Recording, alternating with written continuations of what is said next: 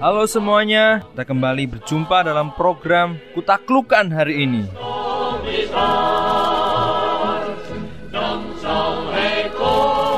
Ketika Tuhan Yesus mengajar kita untuk memanggil Adonai Elohim dengan sebutan Bapa, Dia ingin mengajarkan tentang gaya doa yang baru. Doa adalah komunikasi yang akrab dengan Bapa kita. Pemakaian kata Bapa dalam terjemahan bahasa baku kadang mempengaruhi kita untuk sedikit menjaga jarak dengan Bapa. Akibatnya, panggilan Bapa tidak ada bedanya dengan memanggil nama Allah. Jika terjemahan baku ini benar-benar mempengaruhi saudara, saudara jangan menggunakan terjemahan bahasa baku lagi. Panggil Adonai Elohim dengan kata Bapak, Pak, Papa, Papi, Dedi, atau bahasa lain asalkan artinya sama dengan Bapa.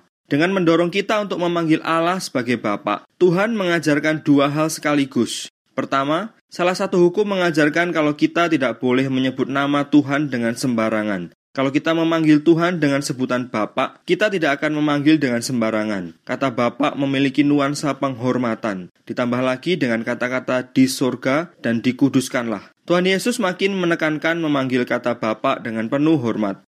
Kedua, panggilan Bapak memiliki nuansa kedekatan. Kediaman Adonai Elohim memang di surga, namun ia bukan Allah yang tak terjangkau. Ia dekat dengan kita. Jangan sungkan-sungkan berdoa kepadanya. Jangan takut salah ngomong.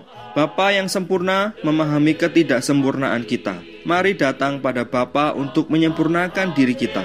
Karena itu, hendaklah kamu sempurna seperti Bapa adalah sempurna.